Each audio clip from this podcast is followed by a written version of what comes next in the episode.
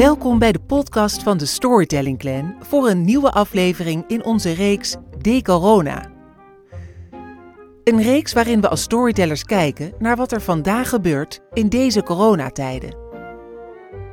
We duiken in het onuitputtelijke reservoir van verhalen van over heel de wereld. Verhalen die antwoorden geven op vragen waar we allemaal, bewust of onbewust, mee bezig zijn. Botsen we vandaag op onze grenzen? Maakt een crisis ons inventiever? Wat doet angst met de mens? Hoe is het om je verloren te voelen? Hoe creëren we nieuwe perspectieven? Verhalen bieden antwoorden op vragen. Verhalen geven betekenis. En daarom vertelt in elke aflevering iemand van onze Storytelling Clan een verhaal. Een verhaal dat voor hem of haar met deze coronacrisis verbonden is. We wensen je veel luisterplezier. Hallo, mijn naam is Sharon Faber. Ik coach mensen en ik geef workshops in verhalen via mijn eigen bedrijf, De Sprookjessmid. Het verhaal dat ik jullie ga vertellen heet 12 met de post. Het is geschreven door Hans Christian Andersen in 1861. In dit sprookje laat hij de twaalf maanden van het jaar de revue passeren en hij geeft ze daartoe elk een eigen gestalte en een eigen karakter. Ik vind het allereerst heel interessant om te zien hoe de maanden in de loop der tijd een heel andere energie hebben gekregen. Want ik wist wel dat de maand november uit mijn jeugd al lang niet meer dezelfde november is als van de afgelopen jaren. Maar ik zie nu dus ook dat de november die ik mij herinner wezenlijk verschilt van de november die Andersen beschrijft. Maar dit gaat te veel richting klimaat en dat is een ander verhaal. Er wordt nu veel vooruitgekeken. Als straks dit, wat en hoe dan verder? En dat begrijp ik heus wel. Maar als je te veel vooruit blijft spoelen, dan mis je wat er hier op dit moment gebeurt. En dit verhaal inspireert mij om de maanden die er zijn met meer aandacht te ervaren. We horen zo meteen hoe de maanden arriveren. En ik zou je uit willen nodigen om het sprookje zelf een vervolg te geven. Hoe vertrekken de maanden weer? Hoe kijken ze zelf terug op hun tijd hier in 2020? Wat tekent de poortwachter op in hun reisdocumenten? Ik heb mezelf hier en daar wat dichterlijke vrijheden gegund in het vertellen, maar het slot heb ik intact gelaten. Want dat had vandaag precies zo geschreven kunnen zijn.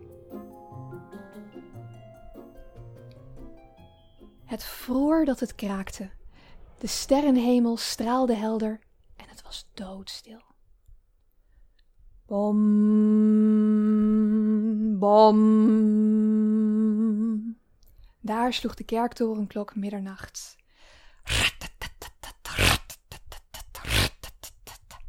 Daar kwam de koets aangerateld over de gladde keien. Het was een grote postwagen. Hij vervoerde maar liefst twaalf personen en meer konden er ook niet bij. De koets hield stil buiten de stadspoort. Binnen, in de huizen, klonk gelach en gezang. Mensen gingen rond met het volle glas in de hand, klonken links en rechts en wensten elkaar alle goeds voor het nieuwe jaar. De poortwachter liep naar de koets toe. Wie waren die vreemdelingen? Wat wilden zij en wat brachten zij? Goedemorgen, zeiden de reizigers tot de wachter aan de poort. Goedemorgen, zei hij, al had hij zelf eerder goedenacht gezegd. Wat is uw naam? Heeft u een reisdocument? vroeg de poortwachter aan de eerste die uit de postkoets stapte. Jazeker, kijk maar, antwoordde de man. Ik ben ik. Het was een kolossale man, in een berenpels gehuld en met sneeuwschoenen aan. Ik ben de man op wie bijzonder veel mensen hun hoop bouwen. 31 dagen en nachten, meer heb ik niet te vergeven. Mijn schepen zijn ingevroren, maar op mijn kantoor is het warm.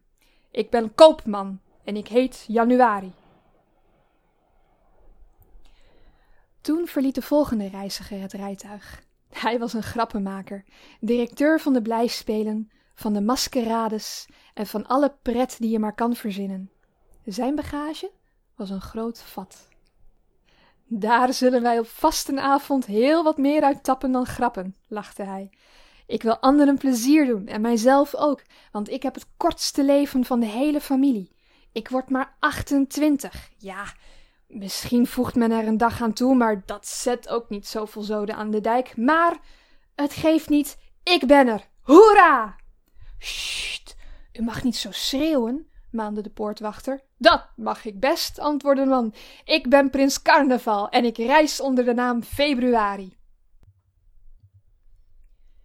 Nu kwam de derde. Hij zag eruit als niets dan vasten, mager en stil, maar hij droeg het hoofd hoog. Hij was getooid met een bosje viooltjes in zijn knoopsgat, al waren ze erg klein. Mars, Maart! Riep de vierde, en hij gaf zijn voorganger een duwtje. Haast je, daarbinnen is punch, ik ruik het! Maar dat was niet waar. April hield hem voor de gek. Deze vierde man zag eruit alsof hij niet heel veel uitvoerde, maar hij had ook zoveel feesten te vieren. Op en neer is het met mijn stemming, zei hij vertrouwelijk tegen de poortwachter. Regen en zonneschijn. Ik kan lachen en ik kan huilen. Ik heb zomergoed in mijn koffer, maar het zou heel verkeerd zijn om het aan te trekken. Nu kwam er een dame uit het rijtuig. Juffrouw Mei, zei ze. Haar zijden jurk was groen als een beukenblad. Ze had anemonen in haar haar en die bloemen geurden zo sterk dat de poortwachter ervan moest niezen. Gezondheid, zei ze vriendelijk en zacht zingend liep zij door. Nu komt de jonge mevrouw, riepen ze binnen in de koets. En inderdaad stapte prompt een jonge mevrouw uit, heel voornaam, trots en mooi. Zij gaf altijd een groot feestmaal op de langste dag van het jaar, en men had tijd genoeg om de vele gerechten op te eten. De jonge mevrouw kon zich prima een eigen rijtuig veroorloven, maar zij kwam toch met dezelfde postkoets als de anderen. Zij wilde daarmee aantonen dat ze niet hoogmoedig was. En bovendien reisde ze toch nooit alleen, want zij was altijd in het gezelschap van haar jongere broertje Julie. Julie was zeer gezet, zoals dat netjes genoemd wordt, en luchtig gekleed met een strooien hoedje op. Hij had maar weinig bagage bij zich en al dat gesjouw was sowieso geen doen met al die warmte.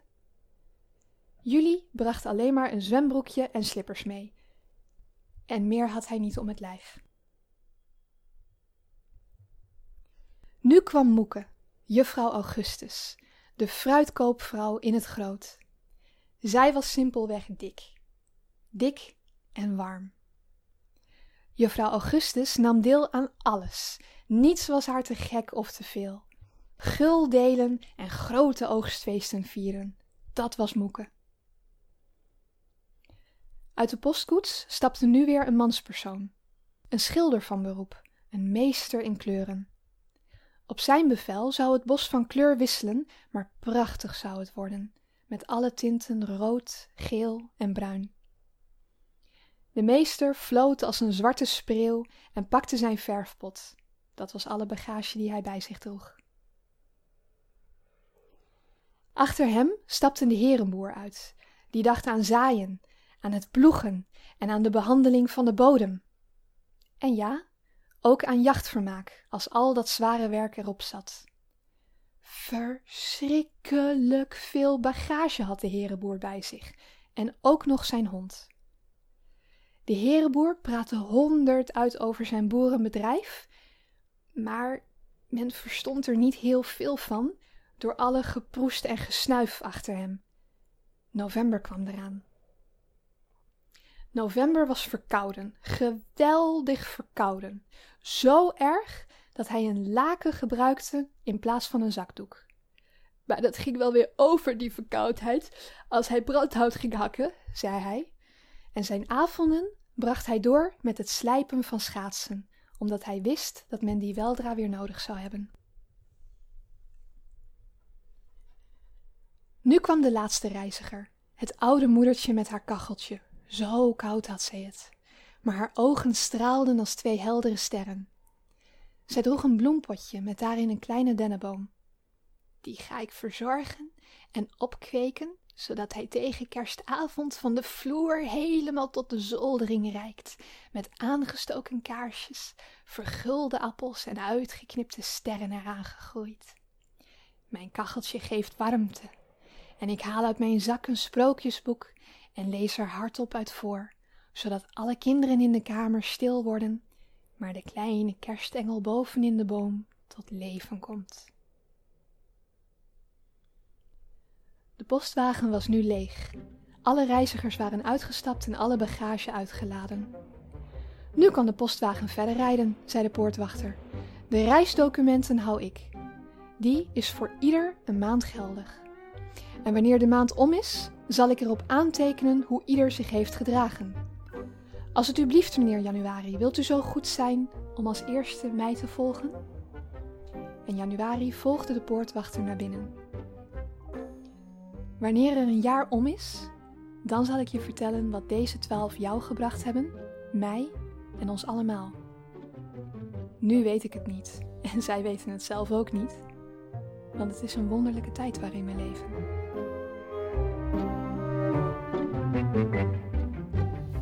Tot zover deze aflevering van De Corona. Bedankt dat je luisterde. Blijf veilig, blijf gezond, blijf vertellen, blijf luisteren. Want volgende week is er weer een nieuwe aflevering van De Corona. Wil je meer weten over wat we doen als Storytelling Clan? Surf dan eens naar storytellingacademy.nl.